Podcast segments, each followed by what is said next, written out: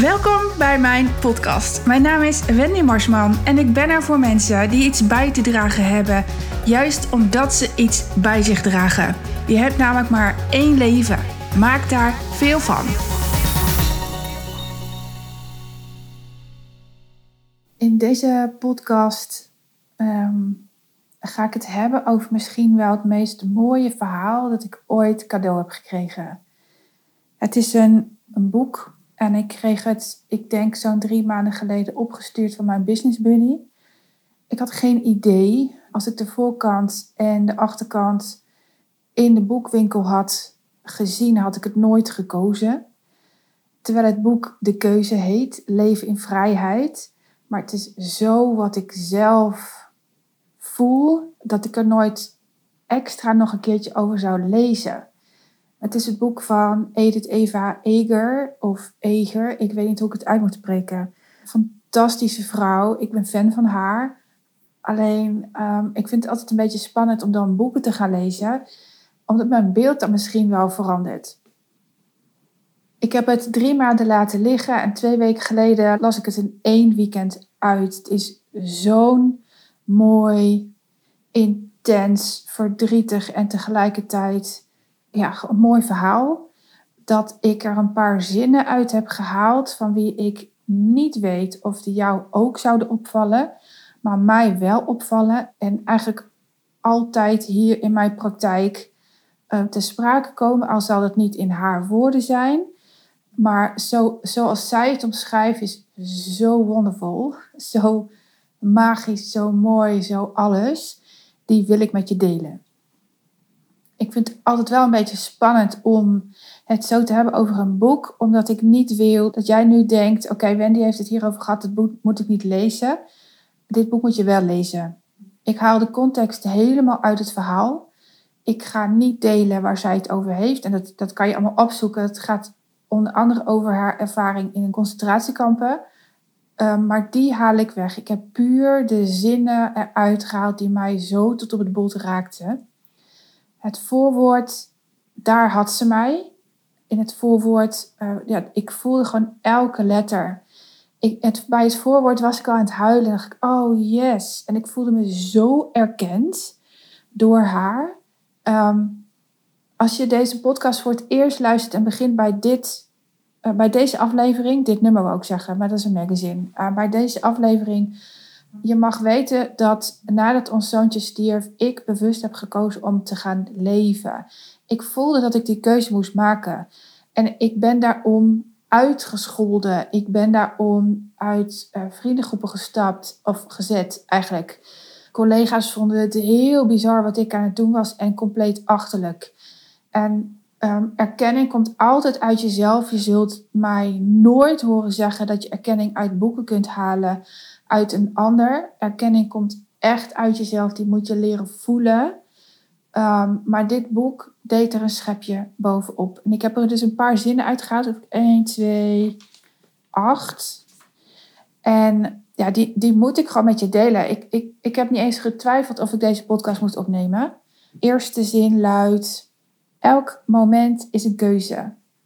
Hoe frustrerend, vervelend, uitputtend, pijnlijk of beklemmend onze ervaring ook is, we kunnen er altijd voor kiezen hoe we reageren. En eindelijk begin ik te begrijpen dat ook ik een keuze heb en dit besef zal mijn leven veranderen. Dit herken ik zo. Dit herken je als de luisteraar van mijn podcast ook. Dit herkennen al mijn klanten die eigenlijk niet zoveel hebben geleerd in het onderwijs, maar wel zijn opgeleid door het leven. En als daar een diploma voor was, dan zou ik hem onmiddellijk geven. Zij voelen dit ook. Het zijn afwijkers. Het zijn mensen die anders omgaan met iets. Het zijn mensen die ervaren dat hoe het hoort, bijvoorbeeld in mijn geval vijf stadia van rouw, ja, weet je, het zal zo zijn. Maar um, ik ga niet afwachten of ik, ze, of ik ze al doorlopen heb. En ik ga ook niet afwachten of ik um, naar rouwtherapie moet. Als dat ooit zou zijn, ja prima. Maar uh, nu niet. Dat heb ik daar echt gedacht. En het is natuurlijk tien jaar geleden dat Lennart stierf. Ik heb daar zo gevoeld dat ik er doorheen moest gaan. Dat ik het moest voelen. Dat ik dat ik helemaal niet naar rouwtherapie hoefde te gaan, dat ik het aan kon. En dat het een, een van de mooiste gevoelens is die je kunt doorleven. Want het, is zo, het gaat zo over liefde. Het gaat zo over houden van. En, en ja, loslaten van houden van doet nou eenmaal pijn. Dat doet nou eenmaal iets met je. En dat kun je gaan negeren of, of wegtherapieën. Ja, daar geloof ik dus niet in.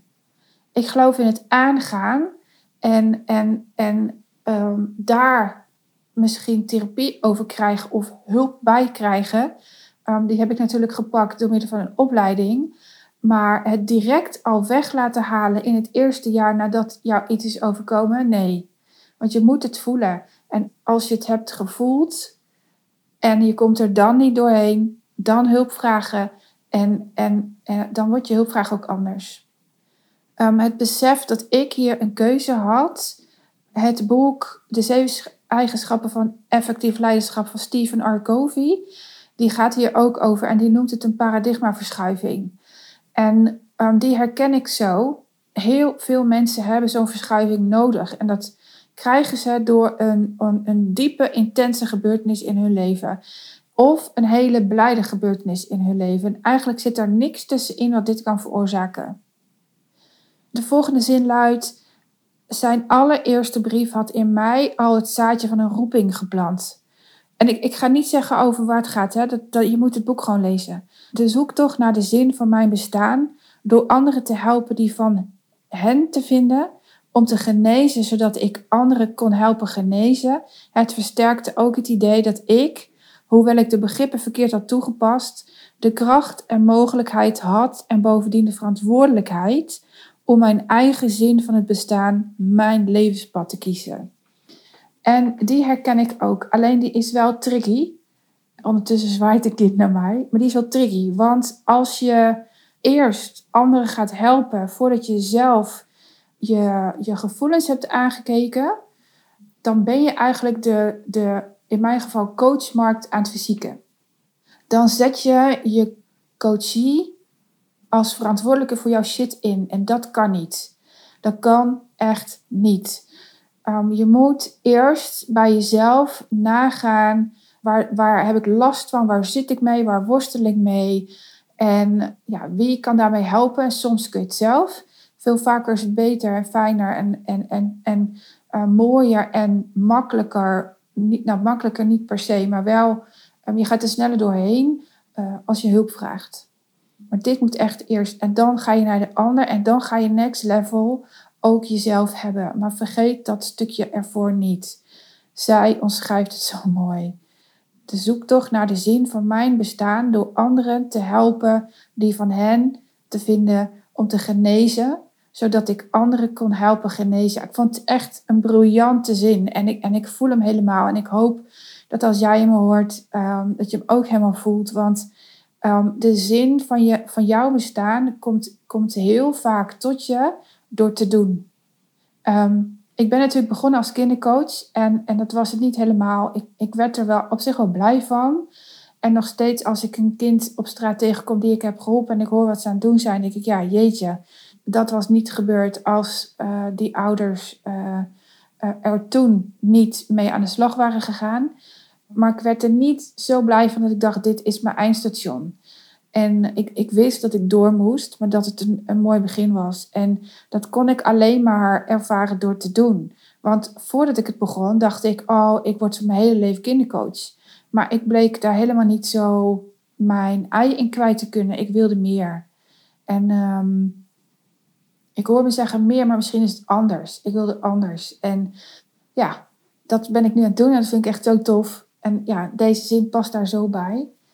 De derde zin als je denkt dat je er iets mee kunt bereiken, dan moet je, het, dan moet je gaan. Maar het moet voor jou zijn. Je hoeft niets te bewijzen aan anderen. Bijna al mijn klanten hebben iets meegemaakt.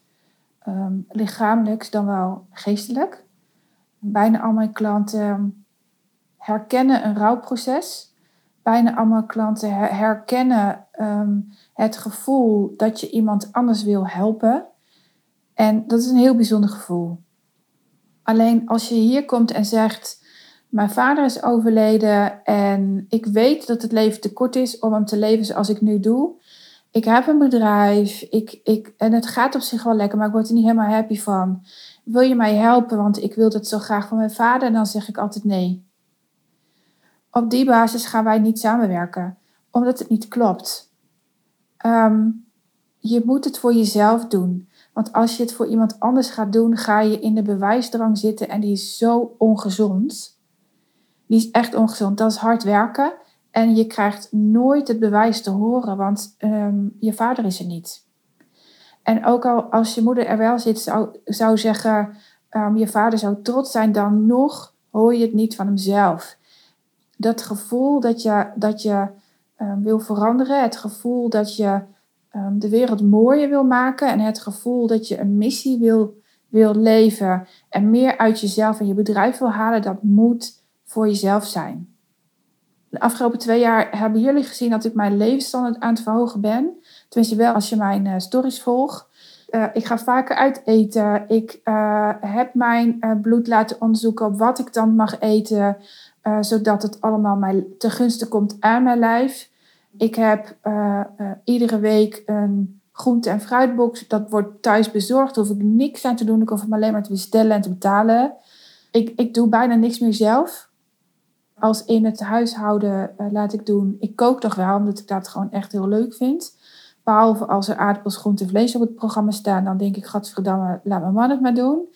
Mijn man doet de was, zo gegroeid.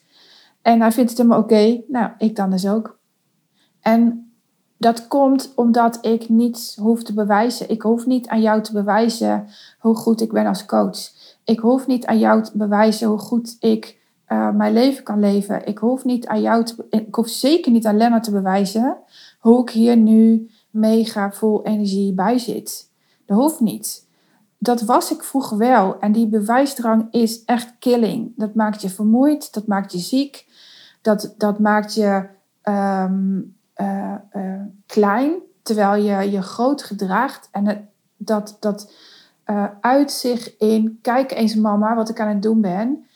kijk eens volgens wat ik aan het doen ben. Oh, this is great. En ik hoorde vanmiddag ook iemand zeggen, uh, super tof, het wordt weer super tof. En, en ik hoor haar dat elke dag zeggen. En hoe geloofwaardig ben je dan?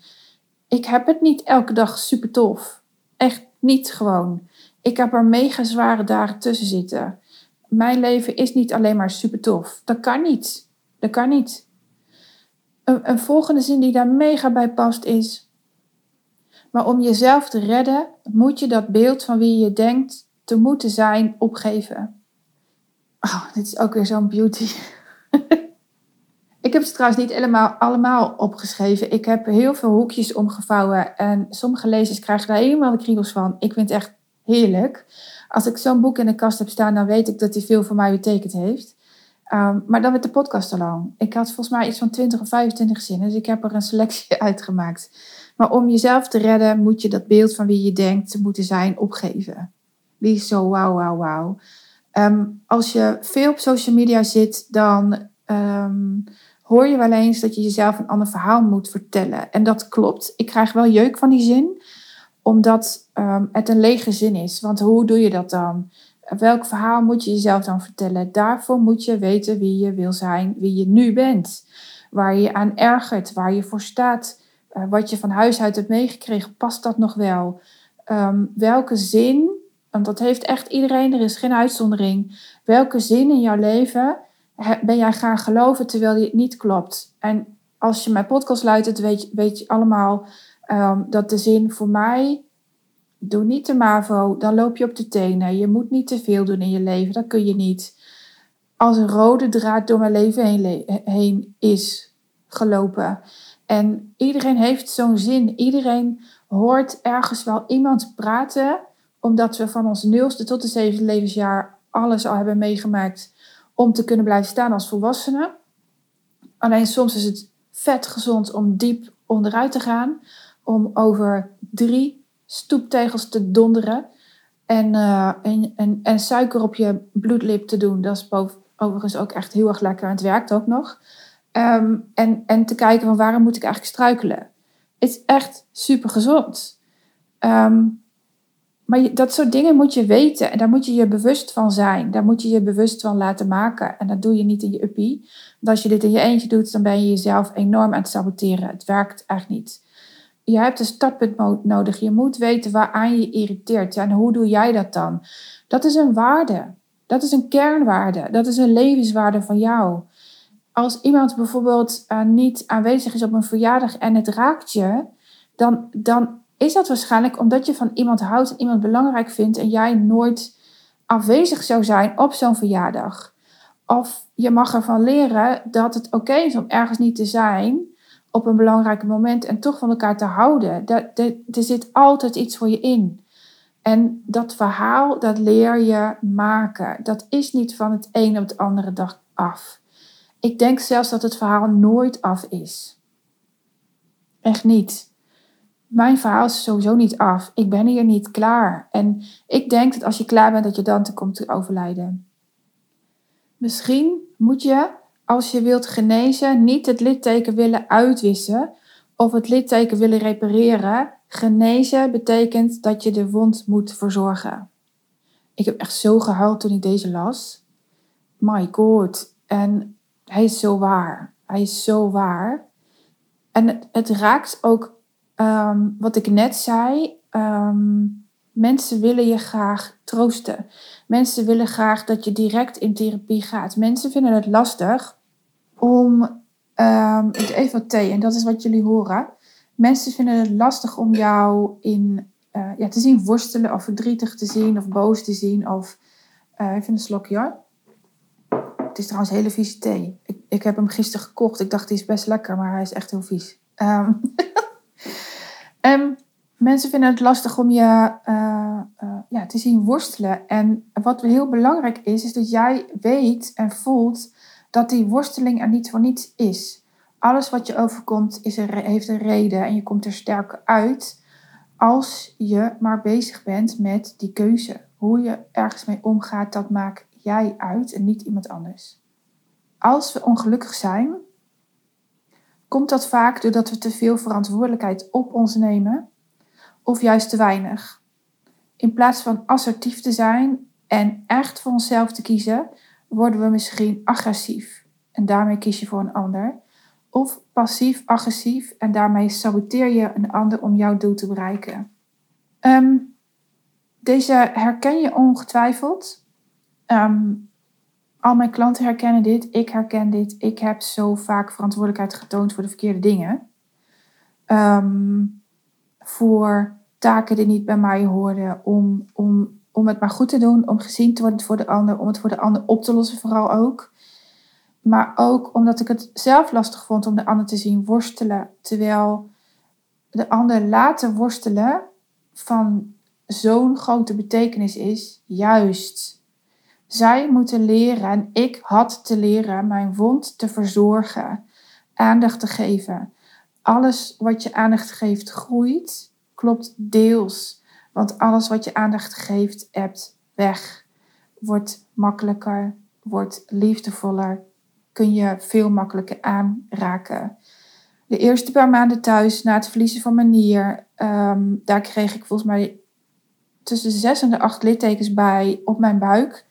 Maar buik is één grote oorlogs, uh, oorlogsstrijder. Ehm, een krater noem ik hem ook wel eens. Het ziet er niet uit, vind ik nog steeds. En iemand anders kan zeggen dat ze heel mooi zijn, maar ik vind ze gewoon echt spuuglelijk. En ehm, eh, ik durfde die wond niet aan te raken. Ik vond de pleisterwissels afschuwelijk. Ehm, maar toen ik ze aan durfde te raken, toen ik met mijn vinger over een bobbelige wond heen durfde te gaan, toen heb ik zo gehuild en dat huilen lucht op. En het maakt ook moed trouwens. Maar vanaf die dag besloot ik elke dag met een beetje zalf mijn littekens te zalven, in te smeren.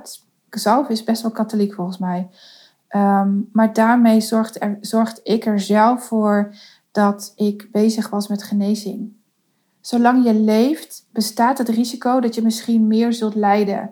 Maar het is ook mogelijk om een manier te vinden om minder te lijden, om te kiezen voor je geluk. Wat inhoudt dat je de verantwoordelijkheid voor jezelf op je neemt.